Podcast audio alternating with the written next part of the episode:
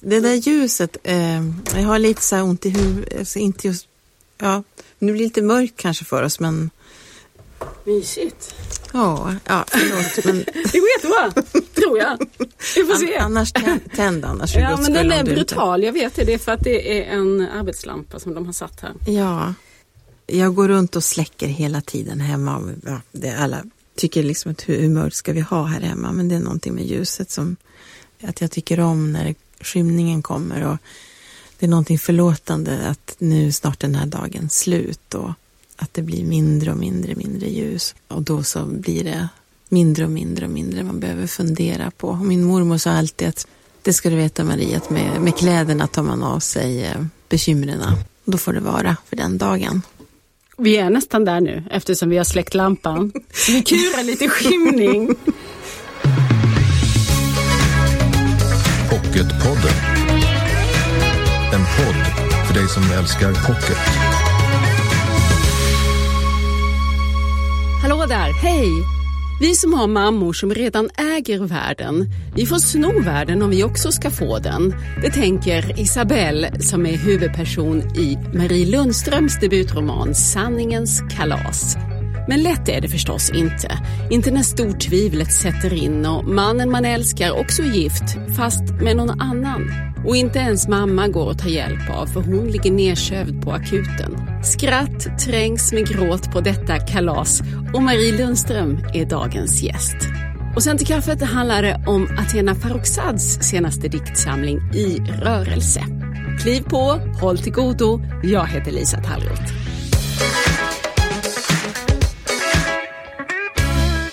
Marie Lundström, välkommen hit till, till min studio, till Ja. Pocketpoddens studio. Tack. Känner du dig lika avslappnad som i din egen, i Lundströms bokradio? Jag vet ju, det är jätteskönt. Det är jätteskönt att du är du och jag får vara din gäst. Det är mycket man slipper då också, vet du. För nu är det jag som ska få ställa frågorna och du som är författaren. Du är ju debutant och har en alldeles nyfödd roman här på bordet. Sanningens kalas heter den.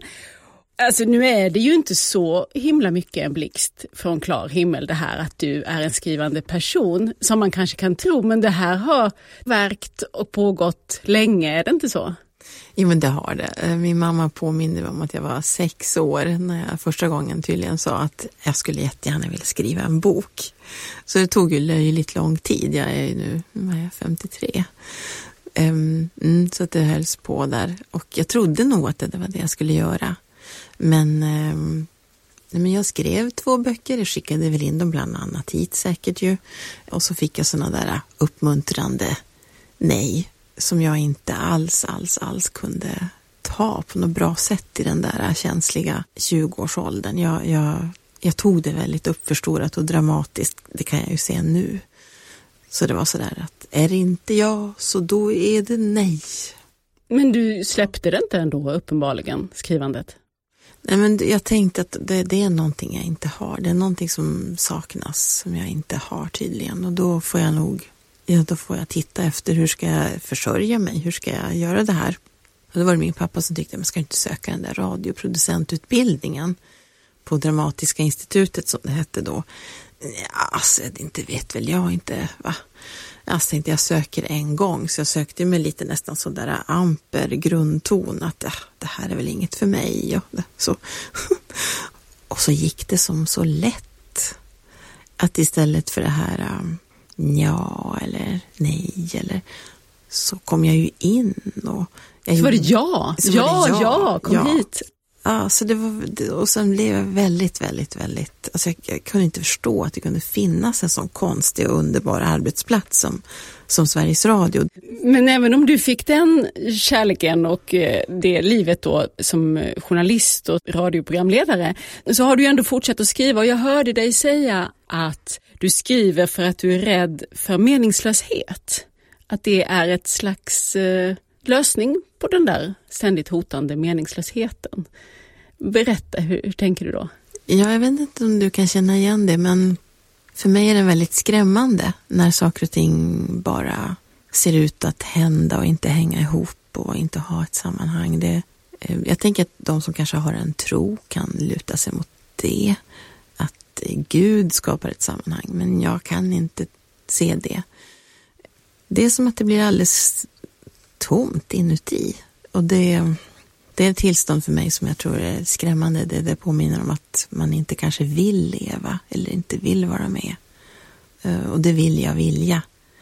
Och då är det någonting med skrivandet som bara, jag kan inte riktigt säga varför, men jag vet bara att om jag plågar mig upp där, jag är vansinnigt trött och förstår inte riktigt varför, men jag plågar mig upp vid fem, sitter till halv sju, så när de andra vaknar så är jag på något sätt lätt lättad och, och lite lycklig. Och det är konstigt. För då har du skrivit i ett par timmar? Ja, eller en och en halv då blir det. Och då, det blir också någonting med att tiden blir så laddad då. Den blir meningsfull. Jag kan inte börja titta på Facebook eller något sånt då, utan då är det bara, det är den här tiden jag har. Och vad ska jag hinna göra på den här tiden? Och då kan jag samla allt det här som i vanliga fall då bara är eh, ja men din ögonfärg, eh, ditt sätt att säga är, allt sånt som jag lägger märke till och som jag gillar. Och så kan jag samla allt det och jag vet inte till vad alls faktiskt. Det, det bildar en enorm meningsfullhet för mig. Jag tror den liknar lite grann det man kan se kanske när Ja, men man ser barn kanske sitter och kommer in i något pyssel eller någonting sånt där. Det är någon liknande. Jag är helt uppsugen i det här. Jag vet inte fasen vad det har för mening, men det är bara skitkul. Men någonting ska det ju bli och har det ju blivit. Nu har det ju blivit en roman och jag tänker då måste man ju också vilja berätta någonting. Även ja. om skrivandet hör jag ju är otroligt lustfyllt och härligt. Så vill du också säga någonting och berätta någonting tänker jag. I alla fall blir det ingen bok om man inte har den känslan. Vad är det du har velat berätta här nu i den här romanen Sanningens kalas? Jo men jag känner att eh, när, när jag åkte tillbaka till Piteå där jag är uppvuxen och skulle berätta om mitt jobb och sådär. Då frågade Allan på vägen upp när jag skulle till scenen, vem ser du? Och då slängde jag mitt manus rakt upp i luften när jag kom upp på scenen och så kände jag så här, det är det folk här inne vill veta. Och när jag då ställde mig där och berättade så här, ja hej, jag heter Marie och min, eh, min pappa, han jobbade på Arbetsförmedlingen här i stan och han hette och, och min mamma och så här, så kände jag att jag har aldrig berättat det här. Jag har aldrig sagt det här offentligt medan det finns väldigt många andra. Jag har också kollegor som har berättat om sin bakgrund gång efter gång och den är så intressant och spännande. Och då känner jag så att en uppväxt i, i en liten stad i Norrbotten på 70 och 80-talet det är fan i mig lika intressant. Det är lika spännande som, som rika släkter från andra länder. Och, och jag, jag har min historia och den, alla de här sakerna som, som formar en människa och ingen annan kommer att ge det värde. Men jag kan ge det värde. Den här liksom till synes ganska så, vad ska jag säga, grå, trista, lite vanliga historien. Det tycker jag nog att de här stora författarna har lärt mig. Och jag påminner mig om det när jag läser Elena Ferrante till exempel. att ja, men Det kan liksom utspela sig på en vanlig tråkig gata i Neapel och det kan bli hur magiskt som helst. Det är hur du berättar och vad, vad du har varit med om som är saken och hur du kan få fram det och vilka känslor du har haft i det också. Så det, det, det är en drivkraft att hej, här kommer den här berättelsen och det kommer fler. Titeln är ju underbar eftersom den skickar iväg associationerna åt lite olika håll. Sanningens kalas. Dels så finns det ju något härligt i ett kalas. Det kommer att bjudas upp, det kommer att, det kommer att bli skruvat, det kommer att bli roligt. Men sanningen i titeln, den är ju lite uppfordrande. Man tänker ju på det liksom som en uppgörelse eller jag menar sanningens minut, nu har den kommit, nu ska korten på bordet. Hur tänker du kring titeln? Varför fick den det här underbara namnet? Det är en scen i boken där eh, Isabelle eh, går ut och ska så lite eh, sommarblommor som hon försöker få till i den ganska igenvuxna och lite sorgliga trädgården som hon försöker hålla upp. Och då har grannarna kalas och de har precis sålt sitt hus. Hon undrar, fick de åtta miljoner? Och de ska skiljas. Och då tänker hon, hon fantiserar om det här och hon hoppas att de har ett sorts sanningens kalas där de har samlat alla vännerna och de har blivit nu rika, de har sålt huset och, och alla är sams och alla vill skiljas och skål. och det, det är ju bara en fantasi, så, så, så ser det ju, jag tror jag, väldigt sällan ut. Och alla vågar möta sanningen på något sätt. För det är ju det som inte Isabelle gör. Hon står ju mitt i sitt eget liv och det har ju verkligen tjorvat till sig. För hon är 48 år och bor då i det här lite risiga huset. Hon har en man, han jobbar utomlands och är avlägsen och så har de barn. Men framförallt har hon ju blivit förälskad i en kollega. Han är också gift på sitt håll och där står det och väger nu om man ska hålla fast vid det här eh, trygga, nödtorftiga äktenskapen eller om man ska våga kasta loss för en osäker passion. Det kan väl ingen förnuftig människa riktigt våga göra, är det ju det som Isabelle liksom säger till sig själv. Mm. Och berätta om Isabelle, hur fick hon sina konturer, din huvudperson? Jo, men hon håller på med det här precis som du säger, på tal om sanning. Har hon ett nödtorftigt eh, äktenskap eller är det självverket ganska bra? Inte ens det vet hon vad som är sant eller falskt. Hon eh, jobbar som guide på Stadshuset. I Stockholm? I, i, I, Stockholm, tack, tack. Ja, det, bara det är jätteroligt tycker jag. Och, och, har du någon särskild relation till Stockholms stadshus? Ja, jag känner till huset sedan tidigare, det gör jag. Eh, det var väldigt kul att skriva om de här turistgrupperna. så, men så att hon, hon, hennes jobb ger henne kanske inte allt hon behöver här i livet. Och sen så vet hon inte riktigt, alltså det hon har tagit sig väldigt långt från, det finns ju scener från hennes eh, barndom i, i Norrbotten, hon har tagit sig långt därifrån och kanske fått mycket mer än vad hon någonsin hade kunnat tro att hon skulle kunna skrapa ihop. Så att det är inte så att hon på något sätt väldigt lättvindigt tänker att åh, det här kan jag göra mig av med min familj. Hon har kämpat ganska hårt för att komma dit. Och därför blir det ändå mer smärtsamt och, förvirrande för henne att hon faktiskt inte vet men varför räcker då inte det här till för mig? Och varför verkar alla andra i familjen så himla nöjda med det här?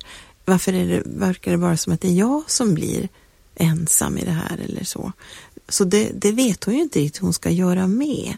Och, och då, då kommer den här äh, förälskelsen in. Men, men alltså, ibland när jag tittar i boken så tänker jag att de här männen, de är ju väldigt centrala. Men ibland när jag läser tänker jag att de är som skuggor lite grann samtidigt att hon de är väldigt viktiga och inte minst den här som hon har blivit förälskad i är ju extremt central för henne. Men samtidigt är det någonting annat hon håller på med där han är en del.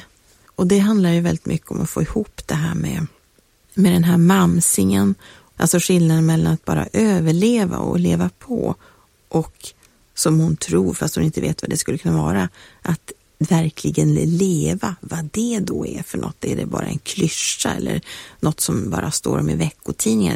finns det på riktigt?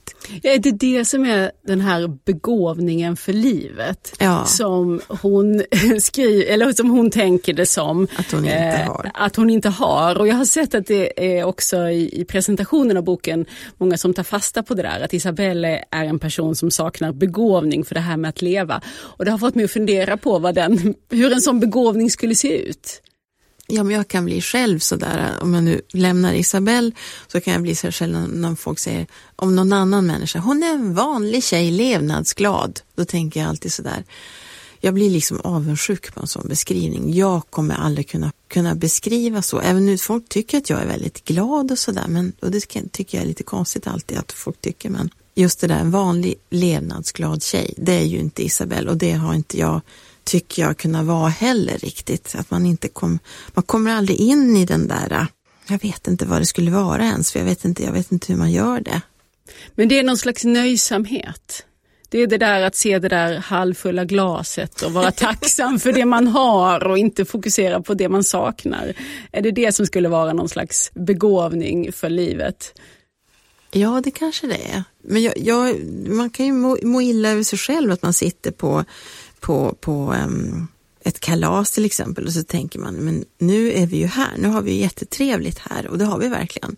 Och samtidigt kan jag sitta och tänka på, och det kanske alla andra gör också, att jag tänker på, men eh, jag, jag vill, att jag skulle skriva eller att jag eh, jag är inte riktigt där kan jag känna. Att jag är inte riktigt där. Jag är kanske där i, i, jag tänker på hur jag skulle kunna formulera den där främmande mannens ögonbryn eller, alltså man är inte riktigt där, bara där, bara där. Och då tänker jag att den här, det där vanlig levnadsglad tjej, hon är där. Hon sitter där och tar ett glas till och är jättenöjd med det. Förstår du mm. skillnaden? Mm.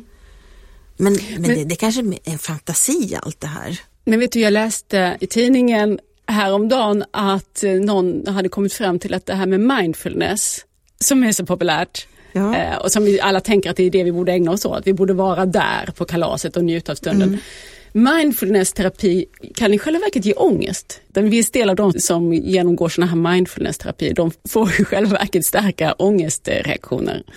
Det är kanske en övertro på det här. Eh, wow. häret och nuet. Ja, jag har ju en vän som är väldigt bra på det här och så hon har fått mig, men det har blivit som ett tvångsmässigt beteende för mig att jag när jag ska gå in i radiohuset så måste jag stryka över de här kryddväxterna som är planterade utanför för hon har sagt att man ska göra det varje dag för det är mindfulness. Men för mig är det bara något jag måste göra innan jag får gå in. så att nu får jag det gjort, så har jag varit i stunden. Men du, du nämnde mamma, mamsingen. Jo. Vi måste prata om henne för hon är ju eh, väldigt viktig. Ja. Jag skulle nästan vilja säga att hon är viktigast i den här eh, historien, eller relationen till mamma. För hon började som mamma, hon var inte mamsingen från början. Det började som en ganska vanlig mamma. Och sen så småningom så blir hon mamsingen och då har med avstånd att göra det här namnet. Berätta, vad har de för relation Isabelle och hennes mamma? Ja men mamma, mamma är, går nästan inte att säga på att det blir intimt så fort man säger mamma. Det är så hjälplöst på något sätt det ordet och fyllt med förväntningar. Mamsingen det är lite mera det är lite mer avstånd i det ordet, lite mer kaxigt, lite mer som att man tittar på någon lite på håll. Och det har hon behövt eh, skaffa sig, det avståndet, Isabelle. Det blev ju ett fysiskt avstånd eftersom Isabells eh, mamsingen flyttade eh, ifrån familjen när Isabelle var nio. Och då flyttar den här mamsingen 24 mil bort och då sen träffas de en gång i månaden och där, ja, det förstår du kanske själv att från det så blir det ju ett sånt avstånd. Eh, det har sitt pris liksom för, för Isabelle. Hon, hon skriver att hon trodde att hon var klar med sin, med sin mamma, att, man var, att hon trodde liksom att man, man går igenom olika saker så blir man klar med det och så är man har det lagt sig till ro och rätta och så har man kommit i mål medan hon upptäcker, det är väl en av bokens insikter, att, att det i själva verket är mera som en cirkelrörelse. Man rör sig mellan man rör sig igenom mörker och ljus. Mm. Men att om man kan släppa den där bilden av att man ska komma fram så blir också allting kanske lite enklare med sådana här komplicerade relationer. Eh, det tänker jag nog också själv, just att om man släpper den där från start till målbilden så slipper man också den förväntan på att en dag ska du och jag vara klara med varandra. Det kanske inte blir så. Eh, det, det, bland, det är en sak som boken handlar om faktiskt. De håller på att stångas ganska mycket de här två, Isabelle och Mamsingen. Varför släpper inte Isabelle henne bara? Varför alltså, konstaterar hon inte att Mamsingen är en person som mest pratar själv hela tiden utan att lyssna? Ja, det är en jättebra fråga. Alltså det hade ju varit mycket enkelt. Det hade nog inte blivit en bok då. men men eh, det visst, visst hade det kanske varit enklare. Jag tror att det har att göra med att, att, att den här förhoppningen om att den här mamman som har saknats en dag ska ändå finnas där en dag när de träffas så ska det vara enkelt. Att det, det är en förhoppning hon, hon inte har gett upp. Det kanske är lite dumt, lite naivt, men det är också lite fint att man fortsätter och, och tampas med de här. För det kan jag känna när jag själv bråkar med, med mina barn, att det, det är alldeles speciella sorts gräl. För de har ju den förutsättningen att, att om det inte alldeles, alldeles skär sig så måste vi, oavsett vad vi säger nu, så måste vi på något sätt fortsätta tillsammans. Och hur många människor nu i vårt liv idag har vi det så med? Man kan ju välja bort nästan alla. Eh, och då blir de här banden som man faktiskt nästan inte kan välja bort om det inte blir väldigt, väldigt fel. De blir väldigt speciella och blir mer och mer speciellt kan jag känna i den värld vi lever i där vi ändå itutas i att vi kan välja, välja exakt vilka vi vill vara med och sådär. Det ser inte riktigt ut så till sist för de allra flesta. Vi har de här de här närmast och inte fasen har vi kanske valt dem precis själva och hade man fått välja hade man kanske valt en annan. Därför kan det ändå vara väldigt värdefullt för Isabelle att sitta när mamman äntligen är tyst, vilket hon tvingas vara när hon hamnar. Hon har en liten oturlig tendens att hamna på intensiven med jämna mellanrum. I olika, roligt att skriva de där grejerna. olika olyckor som hon eh, råkar ut för. Inte sällan är Isabelle inblandad. Men eh, då är ju i alla fall mamma tyst och då får Isabelle äntligen chansen att, att säga henne en del om vad hon har tänkt genom åren och hon liksom går igenom deras gemensamma historia. Och du, du skriver det ju sådär bra tyckte jag, ett vi som har mammor som redan äger världen, vi får sno världen om vi också ska få den. Åh, vad kul att du gillar det. Jag menar, man kan ha massa känslor inför sin egen bok, men de där raderna, den där raden, den meningen, den, den tycker jag fasen om alltså. för, vad, för vad tänker du det innebär att sno världen? Ja, rent konkret till en början för Isabelle så blir det faktiskt att ta till orda. Att inte bara känna in, kolla hur mamman mår. Är hon på väg att, vill hon ta livet av sig? Vill hon, vad händer med henne nu? Utan faktiskt börja lyssna på sig själv. Hur låter min röst? Hon har ju bara problem med det till en början när hon sitter där vid sjukhussängen. Att hon harklar sig, det kommer nästan inte fram någonting. För att hon är så ovan vid att så ta, ta röst, ta ton och sen faktiskt tror jag med det följer i en människas liv att börja fundera på du gjorde ditt liv så, hur mycket ska det styra mitt, mina val? Ska det du gjorde skrämma mig eller uppmuntra mig? Och vad gör jag alldeles själv om jag inte sneglar på vad du gjorde hela tiden? Vad ska jag då? Vilka val tar jag då i livet? Det är väl det som den, hon försöker hitta där det finns ju många smärtpunkter i den här boken som Isabelle återvänder till. Så därför måste vi ju också säga att det här är en väldigt rolig bok.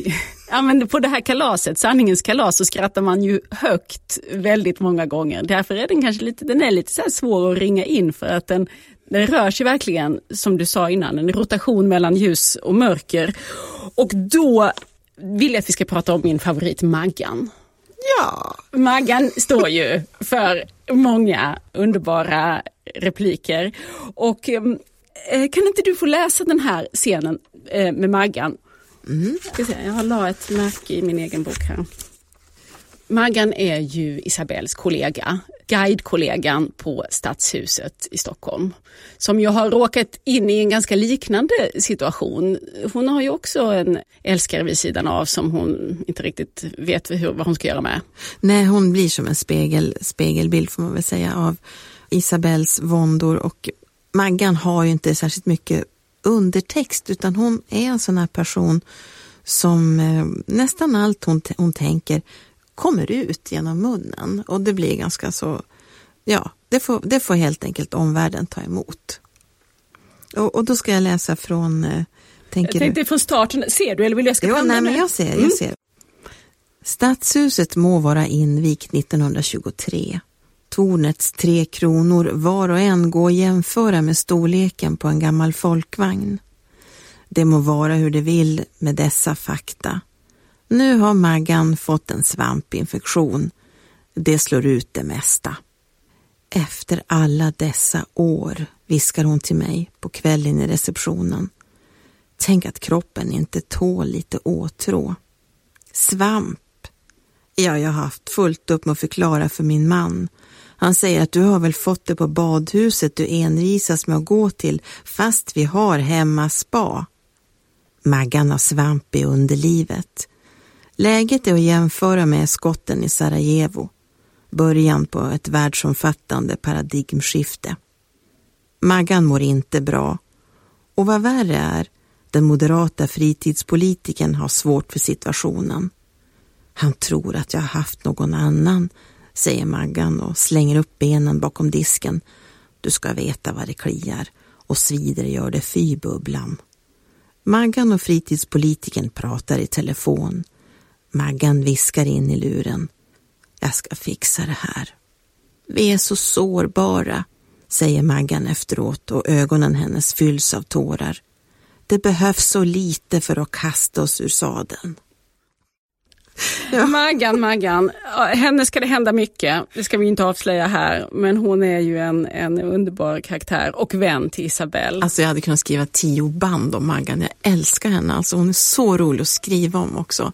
Hon bara säger allt det här som man inte ska säga och hon säger bara självklarheter nästan. det är så, så kul att skriva. Men, men att kasta sig så här då mellan, mellan ljus och mörker och mellan absurdism och eh, allvar. Skulle du säga att det är, är det din litterära stil eller är det kanske rent av din eh, livsstil, din livsstrategi? Ja, jag tror det senare, att, att den färgar av sig på den litterära stilen. Att det, det är verkligen, verkligen så som jag ser på tillvaron hela tiden och jag vet inte hur man klarar sig annars. Och jag tror att det kommer rätt mycket från, från Norrbotten, att det finns en väldigt svart humor. Att allting som händer kan bli bra historier och det är en enorm tröst. Det kan alltid bli en bra historia vid kaffebordet. Och den historien som man då berättar, det spelar ingen roll hur mycket du har gråtit eller blött eller så. Den ska vara, den ska vara tragikomisk, den ska vara svart och den ska vara rolig att lyssna på. Och det har jag ju suttit av från, från jag föddes tills jag flyttade därifrån. Att det, det är så man berättar historier och jag älskar den sortens. Eh, och det gäller bara att, att hänga med och förstå det här att jag jag är inte ironisk tror jag så mycket utan jag är mera bara att, att vi kan inte ha det så här. Vi kan inte ha det så här sorgligt som det är att vara människa utan att ha den här äh, blicken på oss. För det, det, är ju så mycket som är så fruktansvärt komiskt med det vi hittar på och gör. Jag kommer inte ifrån det helt enkelt. Men det, det är intressant med, med humor och svensk litteratur, svensk skönlitteratur, alltså speciellt eh, vad ska jag säga, skönlitteratur som ska vara ändå ja, men välskriven och ha en litterär höjd som jag tänker ändå att den här boken ska ha. Ibland undrar jag hur vana vi är att läsa in humor i sådana böcker, att vi är skolade med att de ska vara väldigt, ja, allt annat än roliga. Och att det därför, jag menar, roligt i sig är ju inte någonting som sänker kvaliteten eller den litterära höjden. Men vi kopplar inte ihop eh, ett skratt med litterär nivå riktigt alla gånger. Roligheter kanske jobbar i lite en annan, lite annan genre. Det är fler saker som ska stämma än bara än att det bara ska ha putsats blankt. Absolut. Att... Men, men vet du, jag tror att jag har tänkt väldigt mycket på det här med vad det är som är roligt. Och jag pratade med poeten Ann Carson som jag träffade hemma hos henne för några år sedan. Och hon sa att det som är exakt, eh, det som är exakt beskrivet, det är det som är roligt. Och det har jag faktiskt tagit med mig. Att om, du bara, om man bara letar, letar, letar, vidare, vidare, vidare, nöj dig inte med det nästan exakt. Eller, så när du prickar av någonting, då tycker vi människor att det är roligt. Och, och det, är, det är någonting där som finns väldigt mycket att undersöka omkring kan jag känna det är någonting där, om det är rent av är kanske bara en lättnad vi känner och det är därför vi skrattar att ja, så där är det. Då är jag kanske inte helt ensam. Ibland tror jag att det är därför vi skrattar, jag vet inte. Att svampinfektioner kan vara paradigmskiften, det kan, det kan vi kanske alla känna igen oss i. Och Marie Lundström, jag, jag ville ju inte kanske inleda med det här då för att vi inte gör dig alltför självmedveten, men nu tror jag ändå alla tänker det här att du som ju har suttit i så många samtal med eh, författare och har läst så många texter och böcker just utifrån att också du ska prata om dem. Hur var det nu för dig att försöka släppa det där?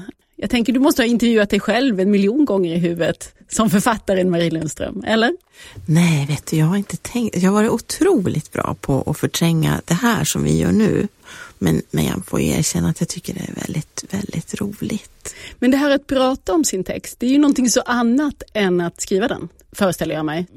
Vi har haft eh, Agneta Pleijels kloka tankar uppe här tidigare i podden när hon uttryckte det som att det riktigt bra uppkommer när man släpper idén om att bli sedd. Jo, exakt. Ja, men det är ju det. det, är det. Och det har jag varit jättebra på Men att göra. hur då? Det låter helt övermänskligt.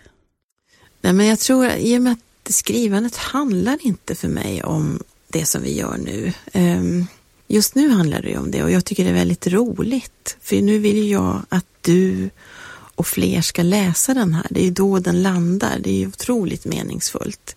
Kan den här läsas av någon, kan, kan vi dela det här så är det, det är det som är hela meningen nu. Men när jag sitter fem på morgonen, då är inte det meningen. Då, då söker jag någonting helt annat som har verkligen noll procent med framgång eller vem jag är på jobbet eller det, det, har verkligen för mig ingenting att göra med det och jag, jag vet inte men jag, jag, kanske bara är jättebra på att förtränga saker då. Jag, jag tänker inte på det då helt enkelt. Det, det är så helt olika saker. För jag tänker ändå på att även om, nu har vi inte pratat så mycket om huruvida det här är biografiskt eller inte i romanen. Du antydde ju att det fanns något ändå från din egen historia som du kände att det var värt att du fick berätta. Men hur den är med det, så oavsett, oavsett om man skriver självbiografiskt eller inte så har man ju med en roman så här öppnat en dörr in till sig själv. Oh ja, det här är en, det är en port. Det är, ja, verkligen en, det är en dörr som i Bröderna Lejonhjärta när de kliver in i den här borgen. Att det är en sån där jättestor port kände jag igår kväll. Att, ett bogvisir. Ja, det är ett bogvisir. Jag hoppas att det inte loss, lossnar och hela färjan sjunker här nu. men jag tänker bara, ja men eller hur, att, att äh, människor, läsare får ju ändå tillgång till dig. Nu är du debutant också så det är därför jag tänker att du, det här är en ny upplevelse. Nu har du hunnit känna lite grann på det här, även om boken inte varit ute så länge. Men... Ja, eh, jag har ju förstås tänkt också med, med olika, det har ju kommit så många författare till mig och pratat, att tänkt att det är klart att jag har tänkt på hur jag skulle vilja göra det. Ehm, och vad jag själv har uppskattat mest. Och då tror jag det ändå är någon sorts, man försöker ge så mycket som möjligt i situationen med någon form av Eh, Eh, bibehållen integritet men ändå att man inte sitter och tjuvhåller så mycket. Det, jag känner också, herregud, hade jag, hade jag varit 20 och debuterat så hade jag ju varit en helt annan. Då hade jag väl varit jättenervös och jätte... Allt hade hängt på det här.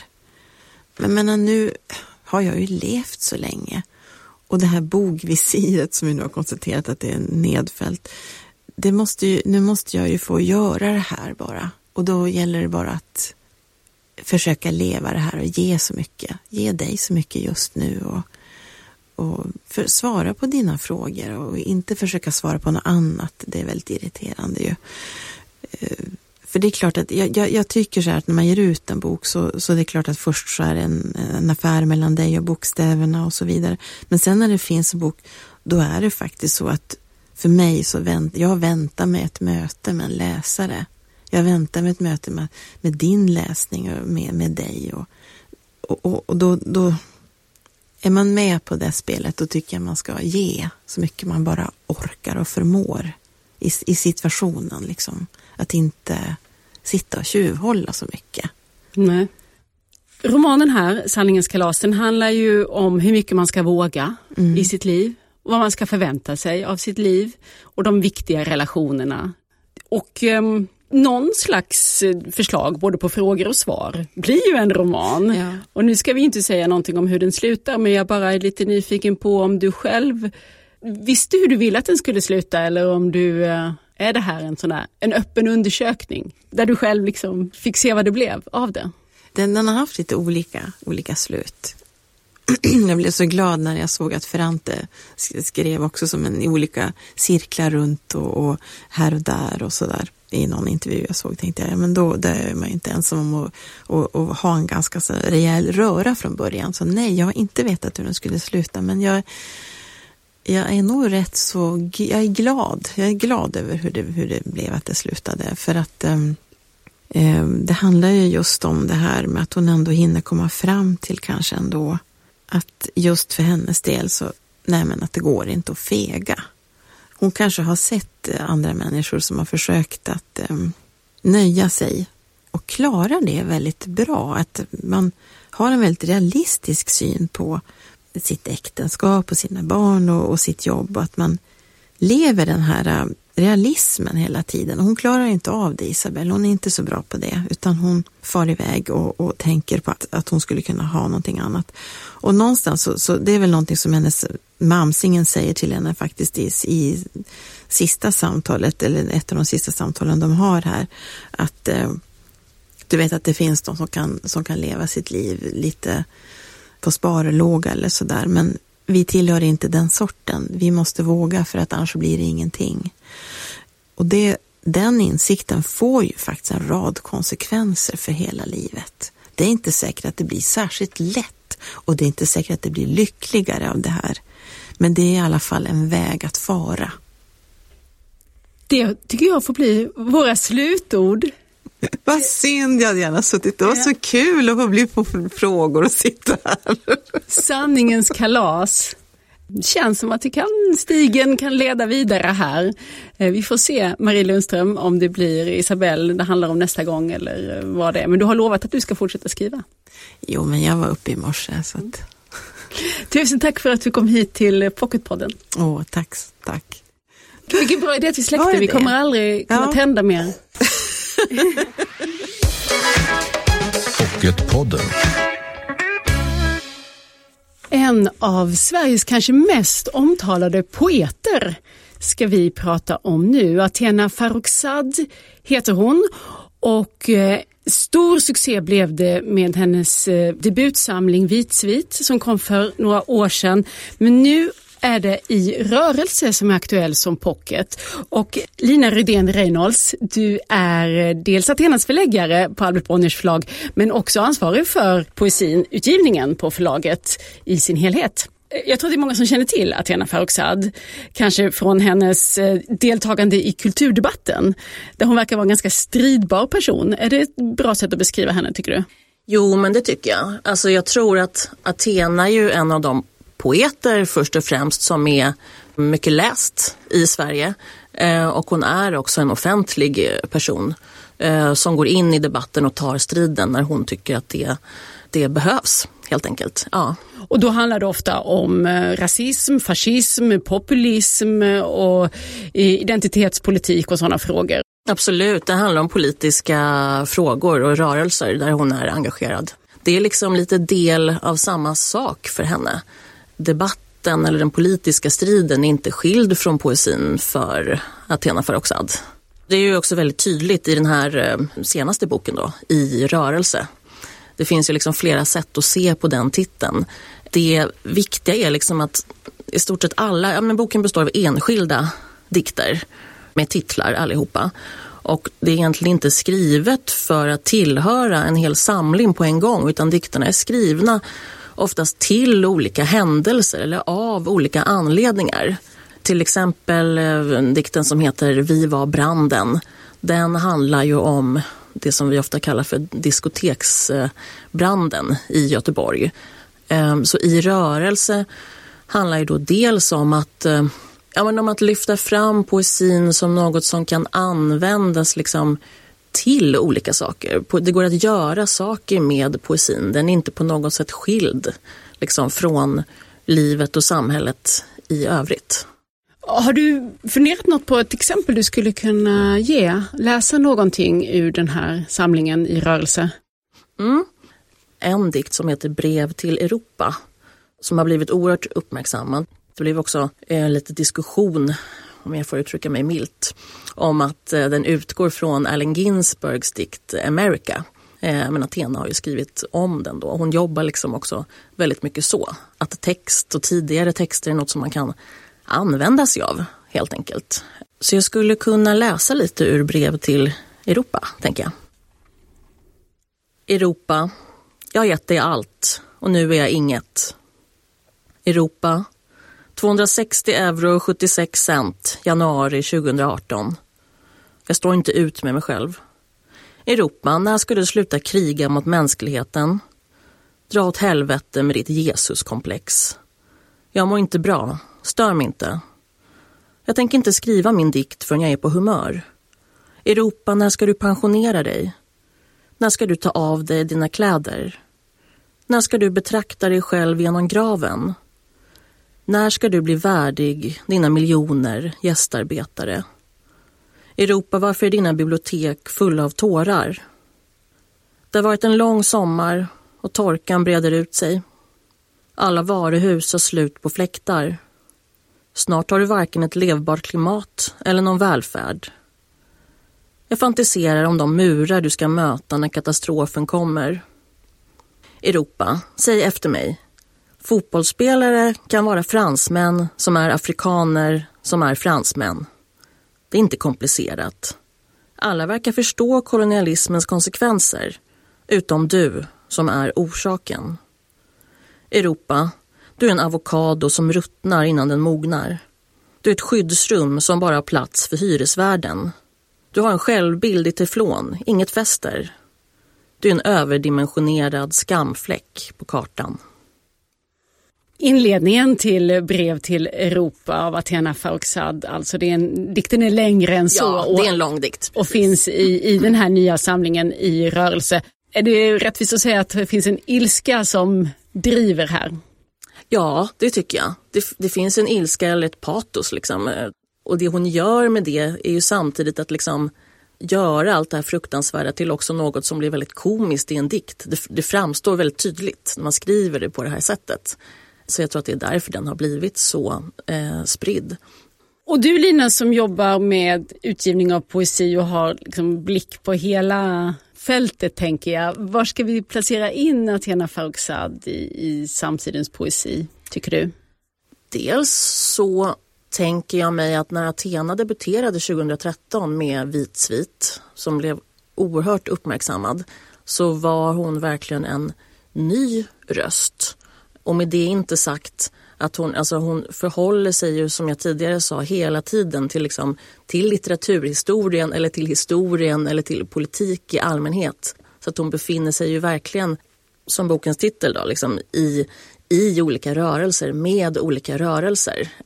Hon är någon som yngre poeter idag eh, härmar för hon har fått en så stark ställning och hon kom med någonting som man inte tidigare riktigt hade sett i Vitsvit. Alltså någon som kunde skriva om migration, invandring, språk på det sättet. Och Vitsvit, finns den också i pocket? Ja, det ja. finns den faktiskt. Det är ju väldigt ovanligt att poesi ges ut i pocket, tyvärr. Så det är jätteroligt att de här två böckerna finns och att vi har chans att göra det handlar ju om att hon är så pass eh, läst och når ut så brett. Vitsvit alltså som nu har några år på nacken men finns som pocket fortfarande och så den här alldeles nya då pocket i rörelse där det också finns en helt ny text. Precis. I slutet av den här boken så finns det en, en ny långdikt som heter Arma Danmark. Bra teaser där. Ja. Tusen tack Lina Rydén Reynolds som alltså är förläggare på Albert Bonniers förlag. Tack för att jag fick komma hit. Nästa vecka hör du Jo Nesbø här i Pocketpodden. En av de riktigt stora thrillerförfattarna, gjort sig känd över hela världen med sin hjälte Harry Håle. Men nu är det dags för något helt nytt. Ett fristående bok, ett ödesmättat familjedrama. Kungariket heter romanen och den pratar vi om nästa gång. Tills dess, följ oss gärna i sociala medier. Där heter vi Älska Pocket. Och jag heter Lisa Tallroth. Hej då! Du har lyssnat på Pocketpodden. En podd från Bonnierförlagen.